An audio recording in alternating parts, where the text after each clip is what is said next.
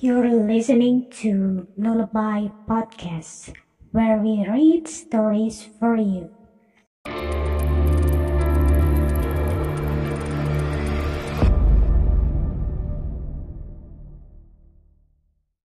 This is the Lullaby Podcast. I'm your host, Nabila. Welcome to our second episode. Today's story is Playing Dakon, written by Nabila Medi Sugita. Also, in today's episode, I will present the story to all of you in two languages. If you like what you hear, don't forget to subscribe to be notified of our future episodes. Let's get started. Enjoy. Playing Dakon, written by Nabila Medi Sugita. One day, Mira's old friends visited her house. Mira opened the door and she looked very happy to meet them. Suatu hari, teman-teman lama Mira berkunjung ke rumahnya.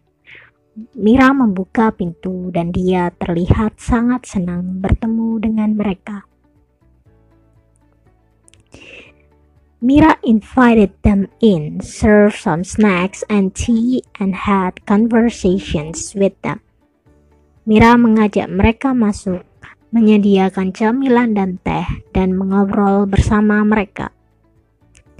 Since then, they all were just focused on their phones, unless Mira.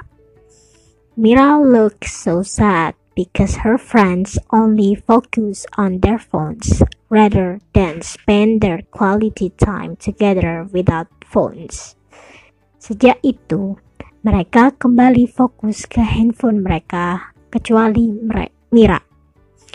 Mira terlihat sangat sedih karena teman-temannya hanya fokus dengan handphone mereka daripada menghabiskan waktu bersama tanpa handphone. Later, Mira suggested them. Guys, what if we play Dakon? I really miss playing Dakon with all of you. However, they didn't seem interested and said that it was a boring and old game. Kemudian Mira memberi saran kepada mereka. Teman-teman, bagaimana ke kalau kita bermain dakon? Aku sangat rindu bermain dakon dengan kalian. Namun, mereka tidak terlihat tertarik dan mengatakan bahwa itu permainan yang membosankan dan permainan tua. Mira got an idea and she said to her friends, I have a good idea so that we won't get boring to play Dakon. Later, Mira went to her room and she knew that her friends loved to play truth or dare, so she made it into the game. If they lose, they had to do the truth or dare. Mira mendapatkan ide dan dia bilang ke temannya, aku punya ide bagus supaya kita tidak lagi bosan untuk bermain dakon.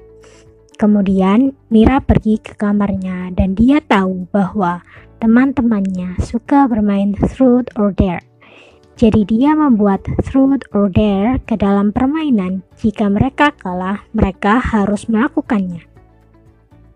As Mira come back, they all look excited to play Dakon. Because Mira put the challenges into the game and flour to smear on face. Saat Mira kembali, mereka terlihat sangat bersemangat untuk bermain Dakon karena Mira memberikan tantangan di game tersebut dan tepung untuk dicoreng ke muka. After that, Mira was very happy to see their friends, to see her friends finally join playing Dakon. They also did the truth or dare and got a smear from flour if they lose the game. Setelah itu, Mira sangat senang melihat temannya akhirnya mau bergabung bermain dakon. Mereka juga melakukan truth or dare dan mendapatkan coretan dari tepung jika mereka kalah dalam permainan.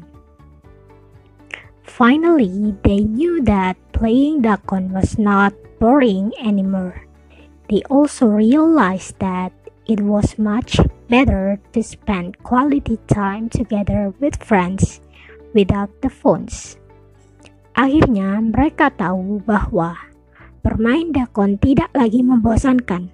Mereka juga menyadari bahwa lebih baik menghabiskan waktu bersama dengan teman tanpa handphones. The end. Thank you for listening to our stories in this second episode. Hope we will meet again in the next episode. Thank